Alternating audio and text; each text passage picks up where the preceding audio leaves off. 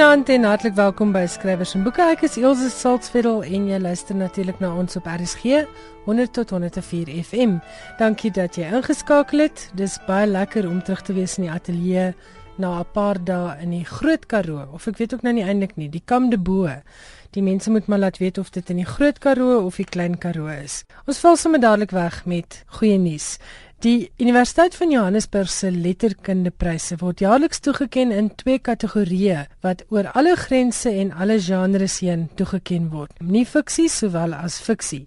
Die pryse is die Universiteit Johannesburg Debuutprys vir die beste kreatiewe debuut in Afrikaans en die prysgeld daarvan beloop R30000 en dan is daar die Universiteit Johannesburg Prys vir die beste kreatiewe teks in Afrikaans met 'n prysgeld van R75000. Titels wat vir die Universiteit Johannesburg pryse in aanmerking kom, is Afrikaanse kreatiewe tekste gepubliseer in die voorafgaande kalenderjaar en verlede jaar is daar altesaam 56 titels ingeskryf vir vanjaar se kompetisie waaronder 18 debuute. Ek was op die keurpaneel saam met sewe akademici en 'n medeboekjoernalis en uit 'n persoonlike perspektief kan ek sê ons mag maar trots wees op wat ingeskryf is vir hierdie kompetisie.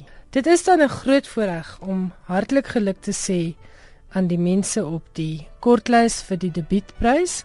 Dit is in alfabetiese volgorde volgens skrywer Henry Jack Klutte vir sy boek Draalnoot vir 'n Jan Fiskaal, Stefanus Miller vir Nagmusiek en François Smit vir Kampoer. En die wenner is dan Stefanus Miller vir wat deur die beoordelaars beskryf word as sy magistrale werk Nagmusiek, waarin die grense van onder andere biografie, biografiese fiksie en metafiksie in Afrikaans verken en verskuif word. Baie geluk aan Stefanus Miller met 'n baie kragtige debuut. Dis 'n welverdiende eer.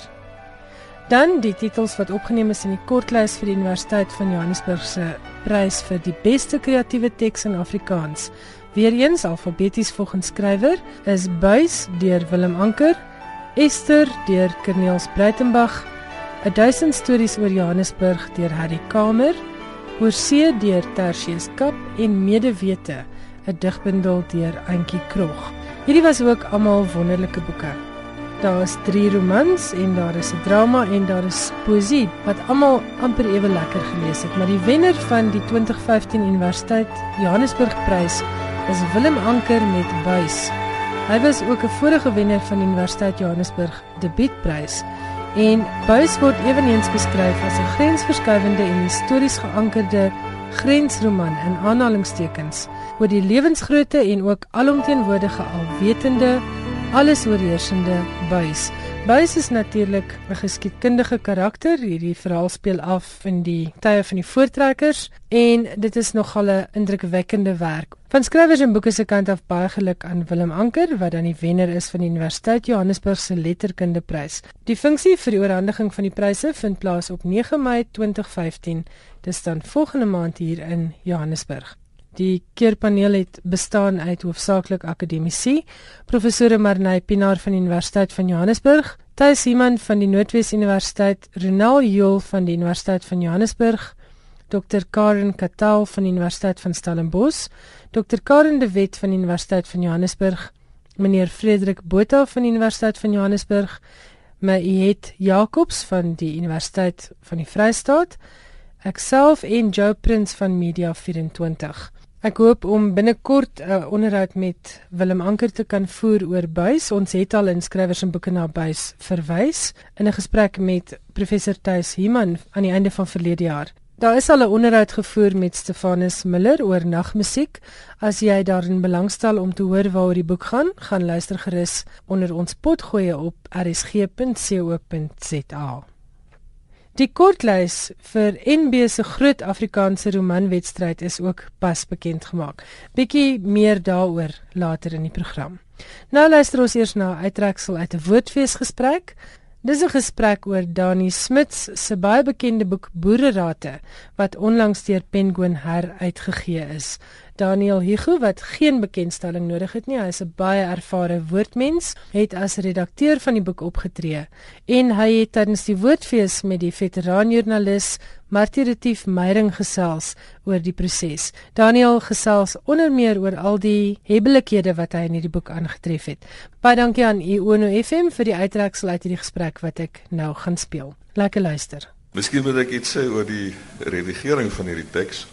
Laat ek heel voor begin. Dani Smuts het op die radio, destyds Springbok Radio gevra dat luisteraars resepte ja, boererate instuur. Resepte, medisyne resepte. En uh, dit het 20 jaar lank al so aangehou. Ook nadat hy weg is van Springbok Radio of Springbok Radio toegemaak is. En dit is dan nou die resultaat daarvan. Maar Ek het die indruk gekry dat uh, Simon en Weber baie min gedoen het aan die redigering van die boek. Eintlik het gee daardie boek vir mense beeld nie net van die volksgeneeskunde nie, maar ook van die volkstaal en volksspelling. so ek het in 'n groot mate dit maar probeer regmaak soos wat die AWS voorskryf, maar tog hier en daar van die baie interessante volksspellings behou met die regte spelling tussen hakkies daarby. So in 'n sekere sin is dit ook nog 'n 'n taalkundige skat, maar nie so groot as soos wat die oorspronklike boek was nie, maar terwyl hulle van die leesbaarheid moes mense doen. En daar is ook heelwat van hierdie rate wat herhalend is. Dit kom uit van verskillende woorde, verskillende luisteraars wat dit instuur, maar wat byna woordeliks dieselfde is.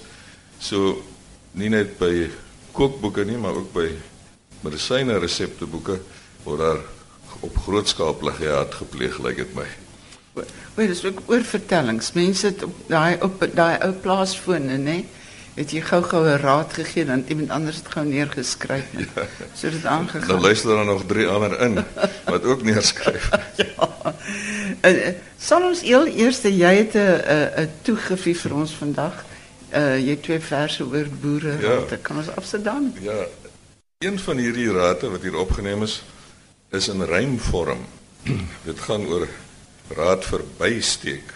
Nou is ongelukkig nie in digvorm afgedruk nie, maar dit rym beslis. Ek gaan dit gou lees. Bysteek dis op bladsy 50. Glo my eerlik as ek sê dat niemand 'n groter kruis kan hê as wat ek al met bye gehad het nie. Alhoewel ek nooit daaroor gepraat het nie. Want wat help kla en murmureer? By se kind se steek maak seer. En dit help nie om hom dood te slaan. Dan kan jy dalk 'n fout begaan. Want as die hele swerm jou pak, steek jy sekerlik 'n lepel in die dak. Nou ja, probeer gerus die raad. Dit kan net goed doen en nie kwaad.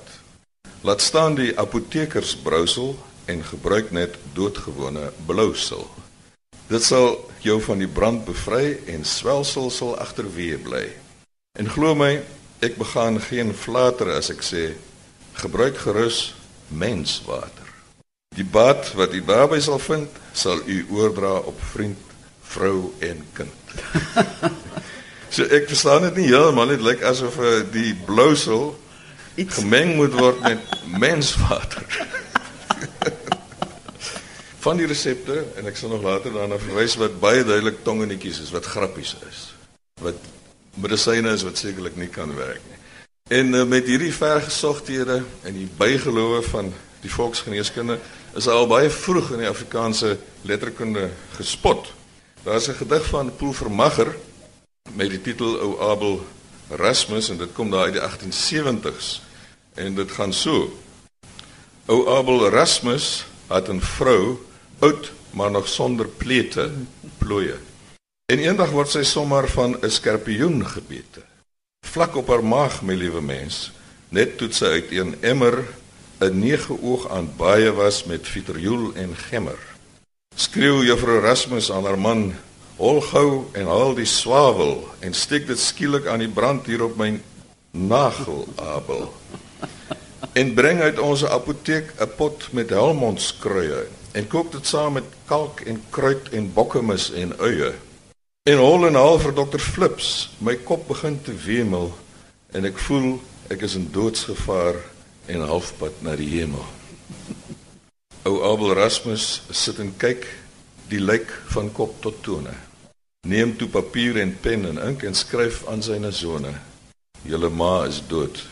Bring spykers saam. Kom julle iemand teë Sê julle maatjie sal begrawe word net op die klokslag 9. nou dit lyk uh, asof sy dood gedokter is want van 'n skorpioensteek kan 'n mens doodgaan nie en sekerlik van 'n nege oog ook nie. So dit is al hierdie volksraad het haar doodgemaak. 'n Pot helmonds kruie, kalk, kruik, bokkemis en eie. en dan nog 'n swaal wat op haar naaltjie aan die brand gesteek is. So miskien is dit ook 'n waarskuwing vir mense wat uh, die boereraad al te letterlik wil opneem. Ek wil net sê hierdie boek, ek het dit nie verwag nie, maar dit is iets wat jy langs jou bed eintlik wil hou en dit is vir my is dit spreuke op steroïde. Ek het lanklaas so gelag soos wat ek hiermee lag, maar ek onthou ek wil ook graag vir julle 'n uh, uh, nou nou iets lees hoe om van kakkerlakke ontslae te raak en ek bedoel nie daardie kakkerlak nou wie my Betty verwys dit nie.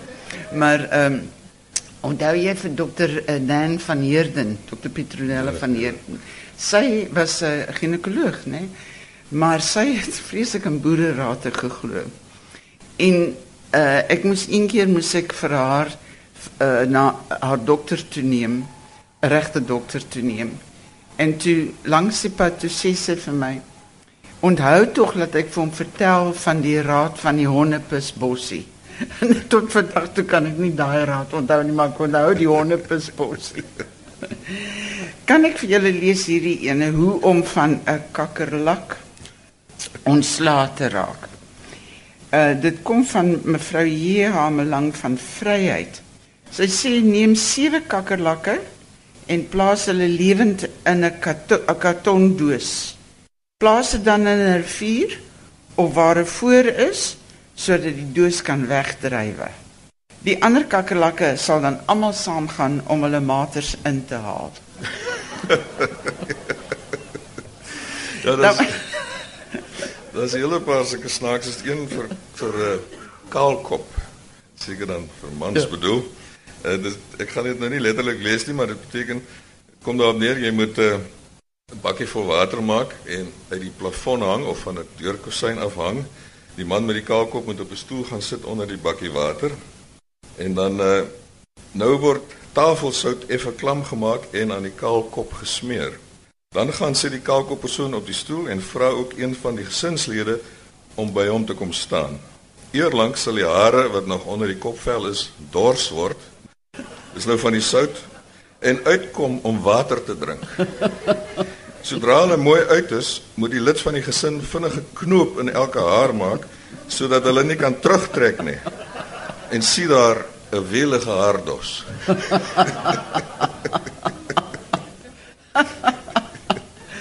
Hoekom het die ou mense so baie vrytjies gehad?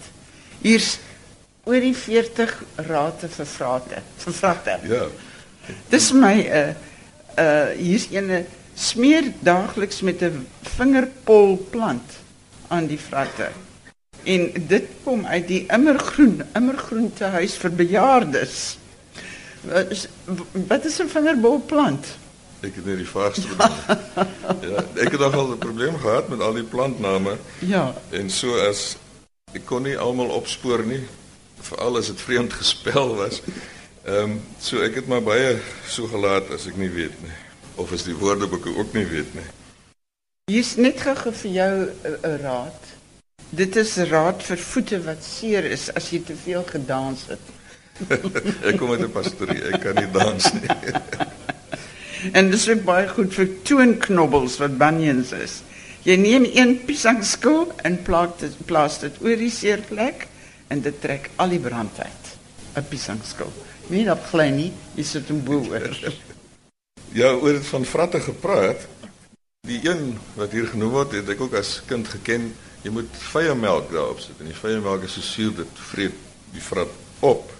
Dan maar dan is daar ook bygelowe soos met dat jy met volmaan moet jy wag dat die maan se strale op die vrat val en uh waar is daar een nou? en dan moet jy op die vrat blaas in die rigting van die maan en dan sal dit verdwyn oor 'n uh, 6 maande of 'n jaar of so. Want dit is interessant van baie van die rate dat dit hulle sekerlik enerzijds magiese elemente bevat met 'n gepaardgaande ritueel soos die maan storie. Maar aan die ander kant dat dit ook waarskynlik net doodgewone placebo is. Jy moet glo dit sal werk en dan werk dit ook al is daar geen effektiewe werkende bestanddeel in die middel wat jy moet gebruik nie. Een wat ek op afgekom het is vir koue voete. Ja. En dis op bladsy 110. Nou die die salf wat daar aangesmeer word sal seker 'n bietjie help, maar dit gaan so. Sit voete in warm water, droog af en smeer onder en bo met samboksalf. Klim in bed. Na 2 tot 3 weke is die koue voete iets van die verlede. nou moet jy 2 of 3 weke lank in die bed lê. of na 2 of 3 weke die weer in elk geval verander as dit nie meer koud nie.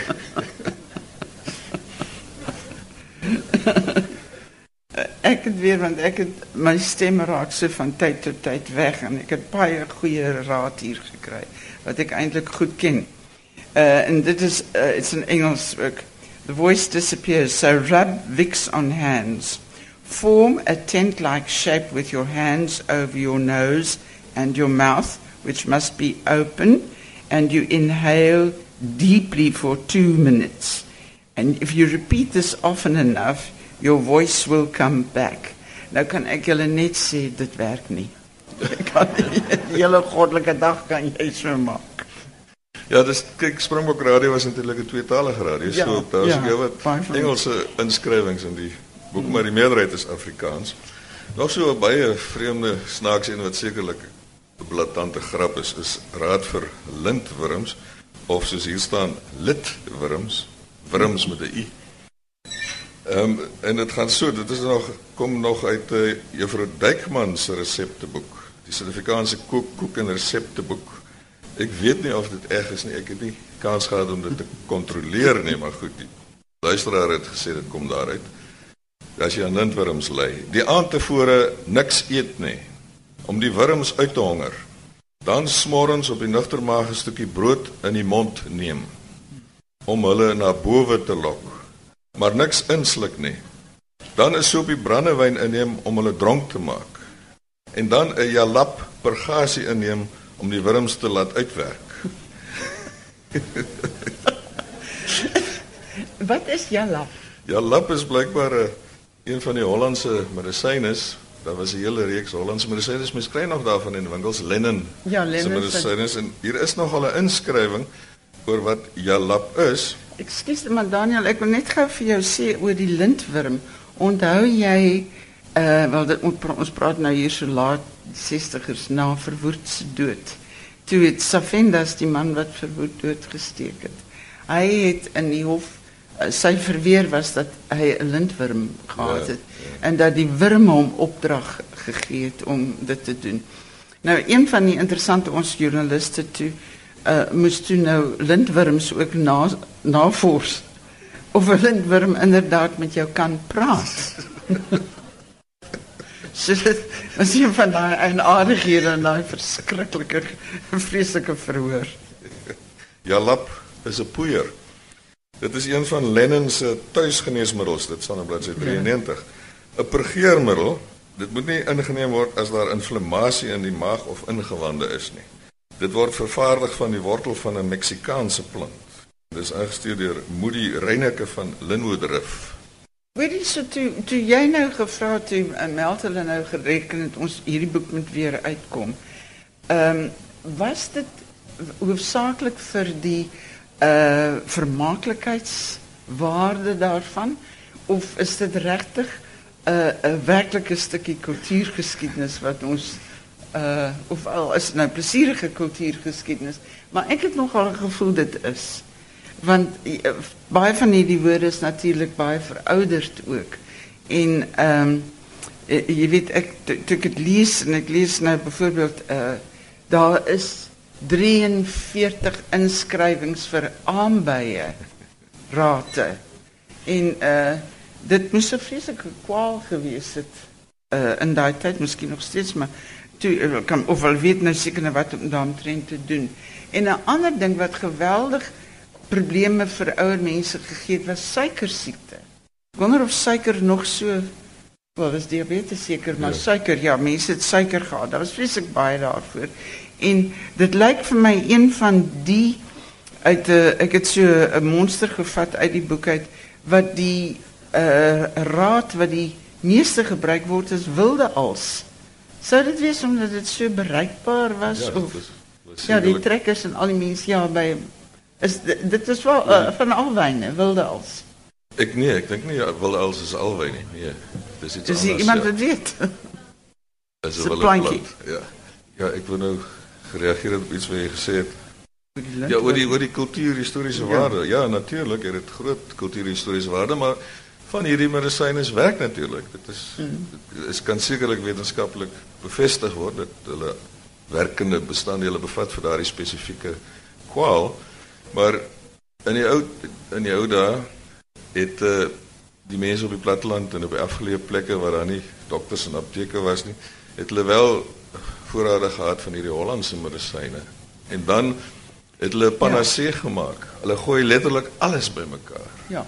en gee dit in vir enige siekte, want een van daardie bestanddele van daardie mengsel Moet- moet, kan werk. sal werk. Ja. Ja. Uh, uh, ek het hier iewers gelees dat die een bestanddeel wat beslis altyd werk is gemmer. Ja. Ek weet nie uh, wat is die waarde van gemmer, maar dit is vandag natuurlik nog 'n Wel, baie kyk, gewilde Abel ding, ja. Rasmus se vrou het daar Ja.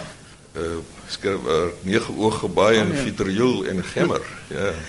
Uh, vitriol kom ook nogal plek plek voor. Is dit nie 'n gevaarlike ding net hulle nie die uh, was dit nie die Engelse se wraak op die boere nie? Wel ons het gedink ons moes diensplig doen in die weermag dat ons dit ook ingekry het. Maar daar's 'n verklaring voor wat die tee was altyd so blou. Maar die nou die verklaring is natuurlik dat jy so aktief is en so moeg is dat jy geen ander drange kan hê as om net rus as jy die kans kry nie. Dan kry jy vitriol. O, Nou die ek het hier twee soorte medisyne raak geloop. Die een is 'n soort homeopatiese beginsel wat daar agter sit of 'n analoë beginsel. Ek weet nie of mens die woord in verband met die geneeskunde gaan kan gebruik nie. Dit is byvoorbeeld in die geval van bloedarmoede word gesê jy moet beet eet of beetsap drink. En die enigste rede waaraan ek kan dink is dat beet is rooi en beetsap lyk soos bloed. Mm. En dit is dan om jou bloed mee aan te vul. Dit is die analoë beginsel, die ooreenkoms wat daar Ja. bestaan tussen die medisyne en die siekte. ja. Dan is daar ook 'n sal ons sê kontra-analoë of beginsel of 'n kontralogiese beginsel wat uh, nogal vermaaklik is in verband met witseerkeel wat natuurlik 'n baie ernstige siekte is op bladsy 229 word nou presies die twee teenoorgestelde beginsel toegepas. Witseerkeel. Mm. Vang 'n swartdoener. Ja, die swartdoener storie. Ek ek wil dit nou vinnig kry. Maar geval daar word gesê jy moet 'n Derde van bo. Jy moet 'n swart hoender vat en in 'n hok sit en dan moet jy nou daardie swart hoender se mis vat, droog maak en blaas in die oor 'n papier blaas in die keel van die pasiënt. En dan sal dit brand dit seker so dat jy nou ontslaa raak van daardie aanpaksel en die swart met die wit van die witseerkeel teenwerk. Ja. Ja. Dis natuurlik suiwer bygeloof. Wel, wat wonderlik is, jy weet, praat van taal. Kyk, hulle praat van die ou man se klier en die prostaat, maar dis vir my te wonderlik hier's 'n paar uh, rate vir ou man se klier en een is neem 'n pond uitgeloopte sonverhitte heuning en meng dit met 'n botteltjie wit dulsies. Neem dit soggens en saans 'n teelepel vol daarvan. Twee dae en jy glo jouself nie dat jy die kwaal het nie.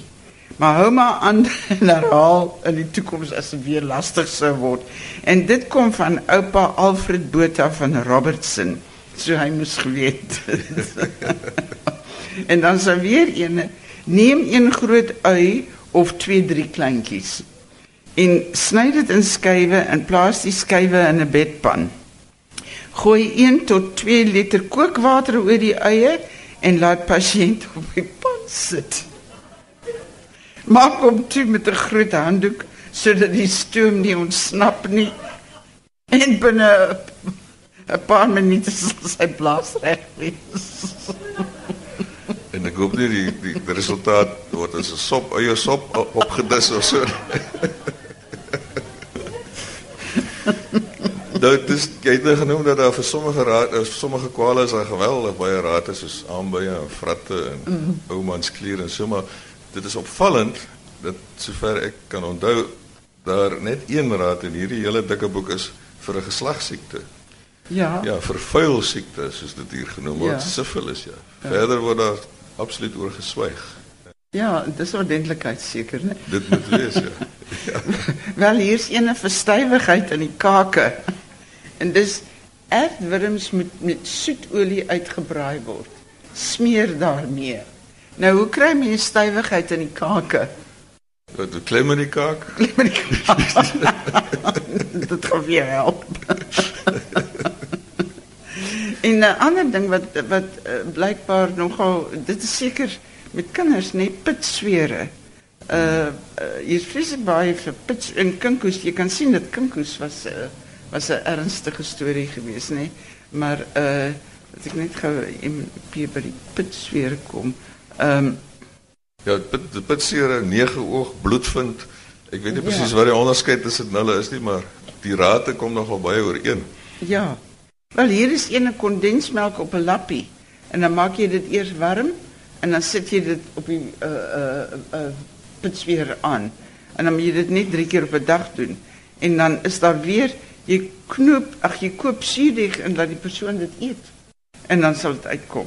Ehm um, dis die eienaardigste goed. So mens moet aanvaar dat uh me, uh, ons dink maar eintlik meer aan ons boere nê nee, en en mense wat op reis gaan of lank in die veld moet gaan en so. Dan moet dan seker altyd hulle ou kussies of hulle sakkies by hulle gehad het met hierdie goed wat hulle moet uh, gebruik. Ja. Ja, ek kan jou voorstel hoe desperaat mense kan word onder sulke omstandighede. Ja, en dan vat jy wat jy in die veld kan ja. kry. Ja.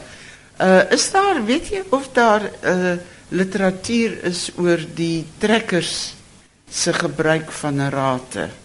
Daar moet seker wees. Nee, ek het Stassen sal weet. Is ek het ge, uh, uh ook, ek weet in van Johan se boek gekyk, uh en kon nie dit kry nie. Ek kon nie uh spesifieke rate kry nie. Uh, jy weet wat hulle wel gedoen het in die in die konsentrasiekampe is met die vreeslike sweet maar net almal klere uitgetrek en dit oor 'n kant gegooi. Ja. Maar daar is nie eintlik uh inligting oor rate tydens die die uh in in die kampe of jy weet tydens die Anglo-Boereoorlog nie. Ja. Nou een wat uh, vandag 'n bietjie ironies relevant is, is 'n raad vir reumatiek. En dit gaan so. Jy neem ou transformatorolie en vryf dit goed in elke aand voordat jy gaan slaap. Dit moet spesifiek ou olie wees omrede die ou olie elektrisiteit bevat. Die olie in transformators word gewoonlik na 'n sekere tyd vervang met nuwe olie. So die mense kan maar 'n vriend vra wat by Eskom werksaam is om 'n bietjie ou olie te bekom Al die dorpe het gewoonlik 'n Eskom substasie. Ek wil net noem dat dit baie skoon olie is en mense hoef nie bang te wees vir hulle beddegoed nie. Hierdie raad kan ek waarborg. Maar eers moet jy daardie vriend vind. Wel, dit is nou baie interessant. Dit is eintlik iets wat die joernalis nou kan optel want daar is mos nou aangekondig die groot ondersoek oor wat presies nou weet ons wat met ou olie te doen. Die vrolike gesprek was tussen Martie Retief Meyering en Daniel Hugo wat die redakteur was van Dani Smit se Boererate wat onlangs weer deur Penguin uitgegee is. Die boek is beskikbaar by enige goeie boekwinkel en is regtig nogal 'n kultuurskat. Behalwe vir die soms komiese taalgebruik is daar regtig vergete woorde daarin en ek kan dit aanbeveel vir enigiemand wat lief is vir Afrikaans. In die lig van die laaste stukkie raad oor ou Eskom transformator olie vir reumatiek, ek dink op hierdie stadium in Suid-Afrika is dit miskien nog 'n groot soektog om net 'n werkende transformator te vind. Jy luister na skrywers en boeke. Ek is Elsje Saltzwedel en jy's natuurlik ingeskakel op RSG 100 tot 104 FM. En nou, soos beloof, die aankondiging van die kortlyste vir NB se groot Afrikaanse romanwedstryd 2015. Uit 'n totaal van 95 inskrywings is die volgende kortlyste saamgestel. In die oop afdeling is daar 4 name: Marinda van Sail se Amraal, Brandwater kom deur Alexander Straggen, Die laaste goeie man deur Dan Sley en Chinese deur Etienne van Heerden. Nou dis almal bekende skryfname. Ek sien uit om hierdie romans te lees. In die debuutafdeling is daar 3 name op die lys. Petrus Steyn se Die Onglobare, Annelie Groenewald se boek Die Skaalmodel en Maximilian Otile deur Jelike Wieringa. En ek hoop ek het nou die name reg uitgespreek. NB se groot romanwedstryd is die omvangrykste romanwedstryd in die land en dit bied ook die grootste beloning en die geleentheid om by die land se grootste plaaslike uitgewery te publiseer. Skrywers kon manuskripte aan enige van NB uitgewers se fiksie drukname voorlê. Tafelberg, Iman en Rousseau, Quillery of Quella boeke. Prysgeld van altesaam R350 000 is op die spel. Die wenner sal R200 000 loslaan, die naaswenner R70 000 die derde pryswenner 40000 en die debuutprys ook 40000 rand. Die beoordelaars is die voormalige boekeredakteur en bekroonde skrywer Corneels Breitenberg, skrywer, vertaler en akademikus Michiel Heinz en die digter en letterkundige Helena De Plooy. Volgens Etienne Bloemhof van NB Uitgewers, hy is die hoof van fiksie by NB, het die beoordelaars van die inskrywings uitgesonder as meevoerende indrukwekkende leeservarings, ambisieus in opset en uitvoering.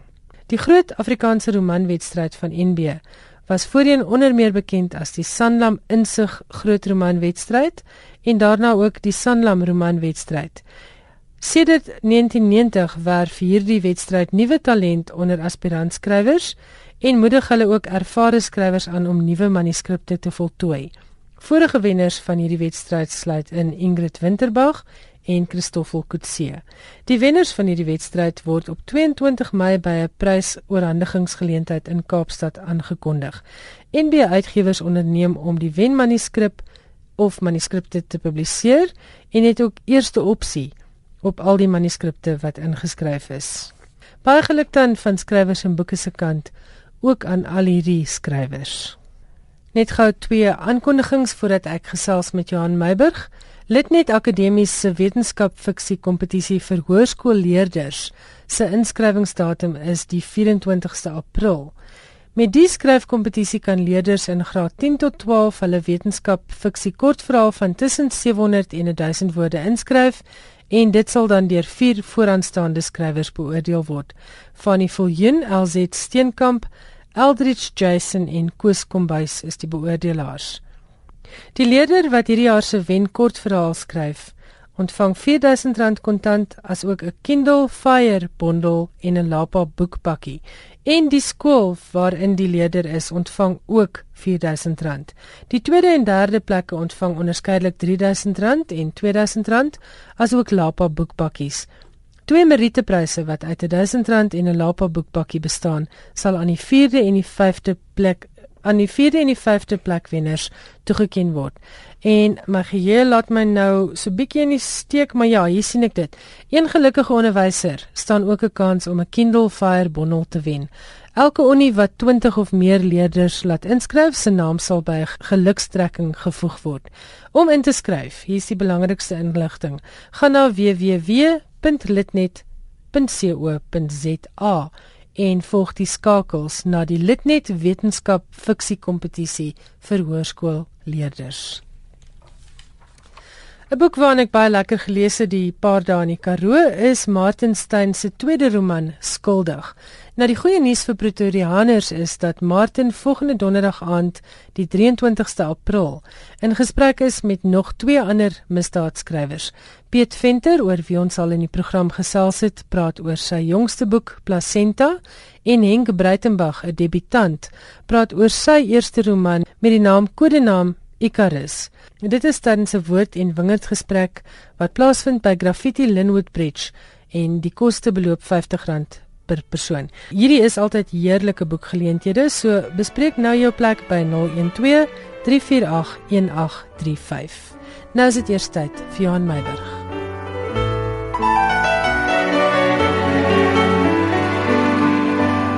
Johan Meiburg, welkom terug hier in RSG se ateljee in Johannesburg. Wat se nuus het jy vanaand vir ons? Baie dankie. Dis baie hartseer, 'n ware reus, inspirasie en vriend. Slaan jou trom vir hom, klein Oscar. So het Salman Rushdie getweet oor die dood van die skrywer Günter Grass. Die Duitse skrywer en Nobelpryswenner is maandag dood in die ouderdom van 87. Die Oscar na wie Rushdie verwys is natuurlik die protagonis in Grass se eerste roman, die van 1959 in Engels vertaal as The Tin Drum, en die eerste boek in die Danziger trilogie. Oscar Matserat is die seentjie wat weier om groot te word die dag wat hy hoor sy pa verklaar dat die kind eendag 'n kruidenier gaan word. Grass se pa was 'n kruidenier. Deur sy lewe bly die speelgoedtrom een wat hy as 3-jarige gekry het en etlike plaasvervangers deur die jare Oscar se kosbaarste besitting. In Grasse beskrywing van die trom het idiomaties geword van aanduiding van protes teen 'n middelklas mentaliteit. Tromslaan is iets wat Gras sy lewe lank gedoen het. Iets wat daartoe gelei het dat party mense hom gesien het as 'n morele autoriteit en dat ander hom uitgekry het as skynheilig. Gras is gebore in Danzig, die stad Gdansk in Pole in 1927, amper laat genoeg, soos hy gesê het, om die Nazi-regime mis te loop. Maar het nie. Op die ouderdom van 16 is hy in 1944 in die Duitse weermag opgeneem en het diens gedoen in die Waffen-SS. Dit was juis die brok uit sy verlede wat beskuldigings van verraad, skynheiligheid en opportunisme ontketen het toe sy outobiografie Peeling the Onion in 2006 verskyn het. Gras was verbaas oor die reaksie. Hy was 6 maande lank in die weermag tot sy oorlog tot 'n einde gekom het sonder dat 'n enkele skoot afgevuur is, het hy gesê toe hy gewond is en in 'n hospitaal deur die Amerikaanse magte gevange geneem is. Na die oorlog het hy kuns en veral beeldhou en grafiese ontwerp studeer in Düsseldorf in Berlyn. In 1956 het hy en sy eerste vrou na Parys verhuis. En dis waar hy begin werk het aan The Tin Drum, die roman wat die verhaal van die eerste helfte van die 20ste eeu vertel deur die oë van 'n seun wat weier om 'n groot mens te word. The Tin Drum is beskryf as 'n vroeë vorm van magiese realisme, 'n mengsel van fantasie en familie-intrige, 'n beeldingsroman en 'n politieke fabel. Die boek is veroordeel deur kritici. Dit is die Bremense letterkundeprys geweier. Dis verbrand in Düsseldorf en dit het, het wêreldwyd 'n topverkoper geword. In 1978 is die boek vervilm deur Volker Schlöndorff en 4 dekades later sou die Nobelprys vir letterkunde aan Günter Grass toegekend word. Grass is bekend vir sy dramas, poesie en fiksie, onder meer in vertaalde vorm Cat and Mouse, Dark Years, The Flounder, The Rat en sy laaste roman van 2002, Crap Walk. Die meeste van sy werk handel oor politieke en sosiale omstandighede, soos die rol van intellektuele in die opstand van die voormalige Oos-Duitsland in 1953, die studenteopstande van 1968 en die politieke verhouding tussen die Ooste en die Weste. In 2012 het Grass 'n teks waarna hy as gedig verwys het, gepubliseer, vertaal as wat gesê moet word. Weereens het Grass met die teks wat 'n dun bedekte kritiek op Israel was, mense wyd en suid op hol gehad.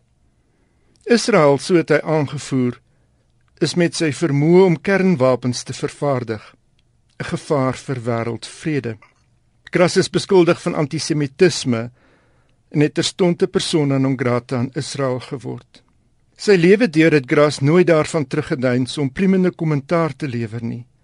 Al het dit hom argwaan op die hals gehaal. Soos hy immer gesê het, so het hy ook gedoen. Dis die taak van 'n landsburger om sy mond oop te maak en oop te hou. Die mooiste huldeblyk vir gras waarop ek afgekom het, is die van Moritz Renke, 'n medeskrywer.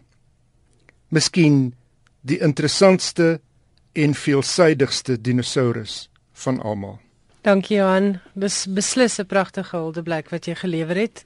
En ja, so gaan die groot skrywers een vir een, maar gelukkig is daar heelwat om hulle plek te vul, né? So hoop mense. Ons hoop so. Nou met Gunter Grass se aanhaling uit 'n Tin Drum in gedagte, selfs slegte boeke is boeke en net derhalwe 'n gewyde kwaliteit. Die volgende Die BBC berig oor klagtes wat die Amerikaanse Biblioteekvereniging ontvang het van gebruikers, in die geval onderwysers en ouers, met die aanbeveling dat verskeie boeke permanent uit biblioteke in die FSA verwyder moet word. Bo aan die klagtelys is The Absolutely True Diary of a Part-Time Indian.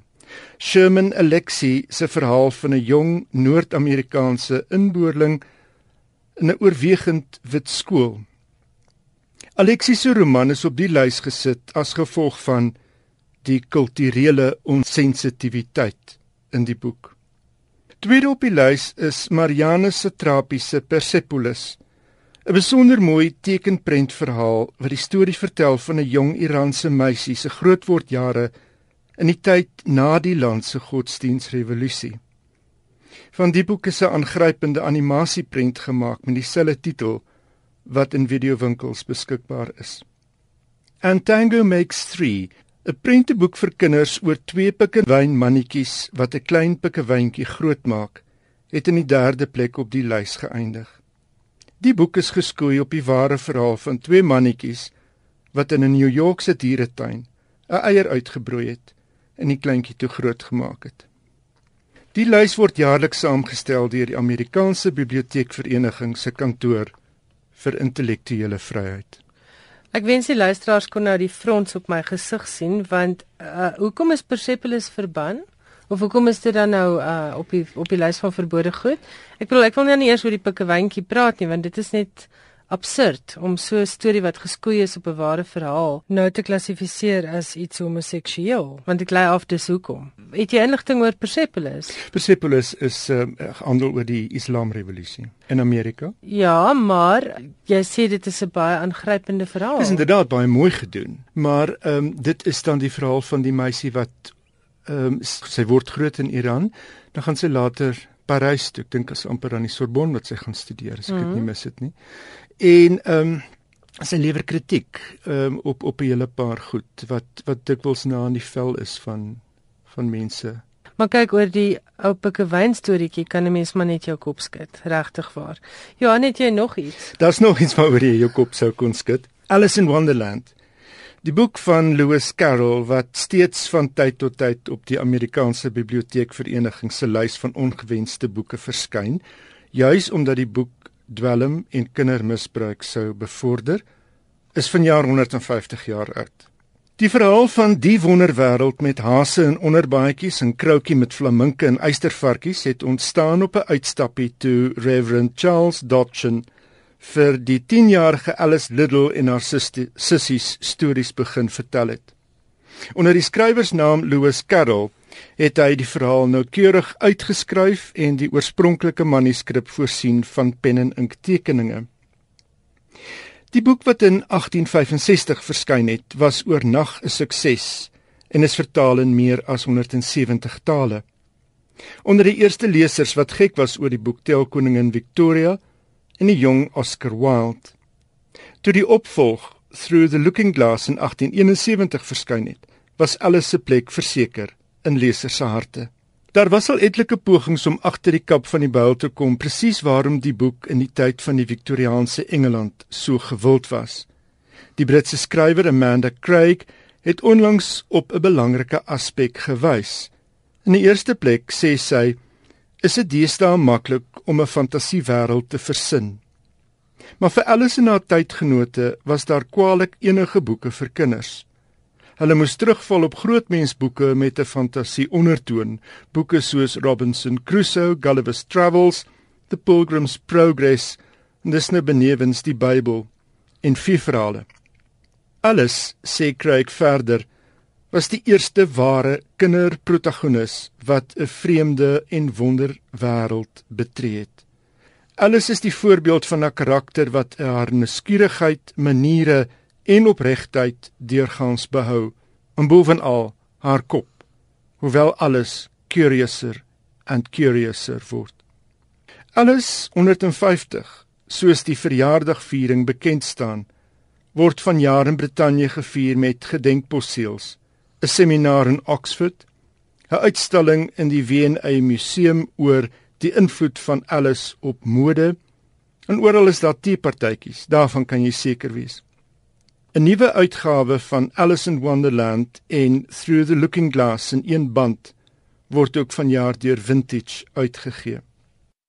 Afrikaans is een van daardie 170 tale waarin Alice vertaal is. Andrei Brink het dit gedoen as Die avonture van Alice in Wonderland. Die boek met illustrasies deur Marjorie van Heerden is in 2010 weer uitgegee deur Humana Rousseau en dit lyk my die boek kos 'n raps meer as R200. Baie dankie. Nou ja, onthou jy die gesegde 'n rus onder elke bed? Klink vir my jy kan amper in elke storie kan jy iets skryf wat nie polities korrek is nie en dan kan hy vir iemand se lys kwalifiseer. Daar is 'n navorsing gedoen oor Alice Trouens, dis dis dis 'n boek wat nou gepubliseer is oor hoe Alice getakseer is deur die jare. Vroeg in die 20ste eeu was dit psigoanalities geweest. In die 60s was dit was dit heeltemal deur die deur die dwelmkultuur geweest uh, met popmusiek wat ook geskryf is oor aan die hand van Alice en ehm mm. um, die hele verskynsel van LSD. Maar maar jy's heeltemal reg, die tyd waarin jy leef bepaal hoe jy hoe jy die teks lees. En vir my is dit fantasie. En watter beter manier om 'n kind te vermaak as met fantasie. Johan Meiburg is altyd baie interessant. Baie dankie. Ek sien ook daarna uit om jou vanaand meer gereeld op die program te hê. Baie dankie. Die goeie nuus vir luisteraars wat hou van Johan Meiburg se insetsels is dat Johan van nou af 4 maal per maand vir ons 'n bydrae vir skrywers en boeke gaan doen. Dit beteken dan dat hy in die meeste maande weekliks op skrywers en boeke te hoor sal wees in plaas van die 3 keer van verlede jaar. Dit is dan alwaarvoor ek vanaand tyd het in skrywers en boeke. Ek hoop jy die program geniet. Laat weet gerus stuur 'n SMS na 3343. Elke SMS kos R1.50 en ongelukkig tel gratis SMS'e nie. As jy e-pos wil stuur, die skrywers en boeke e-posadres is skrywersenboeke@rsg.co.za. Volgende week, as alles goed verloop, praat ek met die Amerikaanse topverkoper John Connelly in skrywers en boeke. En ek weet daar gaan nou luisteraars wees wat sommer nou al die SMS'e gaan begin stuur oor hoe ek nou Afrikaans versaak, maar ons kan nie wêreldletterkunde en topverkoper internasionale skrywers sommer net ignoreer nie. Dit bly 'n unieke kans om met 'n skrywer wat Suid-Afrika besoek 'n onderhoud te kan voer. En ek hoop alle John Connelly luisteraars sal volgende Woensdag aand inskakel. Soos altyd is finansie program as 'n potgooi beskikbaar, gaan eenvoudig na ons webwerf rsg.co.za, klik op potgooi en dan tik jy die program se datum in of jy kan as jy op soek is na 'n gesprek met 'n spesifieke skrywer, net daardie skrywer se naam onder die soekveld intik. Tot volgende Woensdag aand groet ek dan uit Johannesburg. Ek is Elsje Salzwetel. Jy het geluister na skrywers en boeke hier op RSG en ek hoop jy bly ingeskakel vir die res van vanaand se musiekprogramme. Lekker slaap.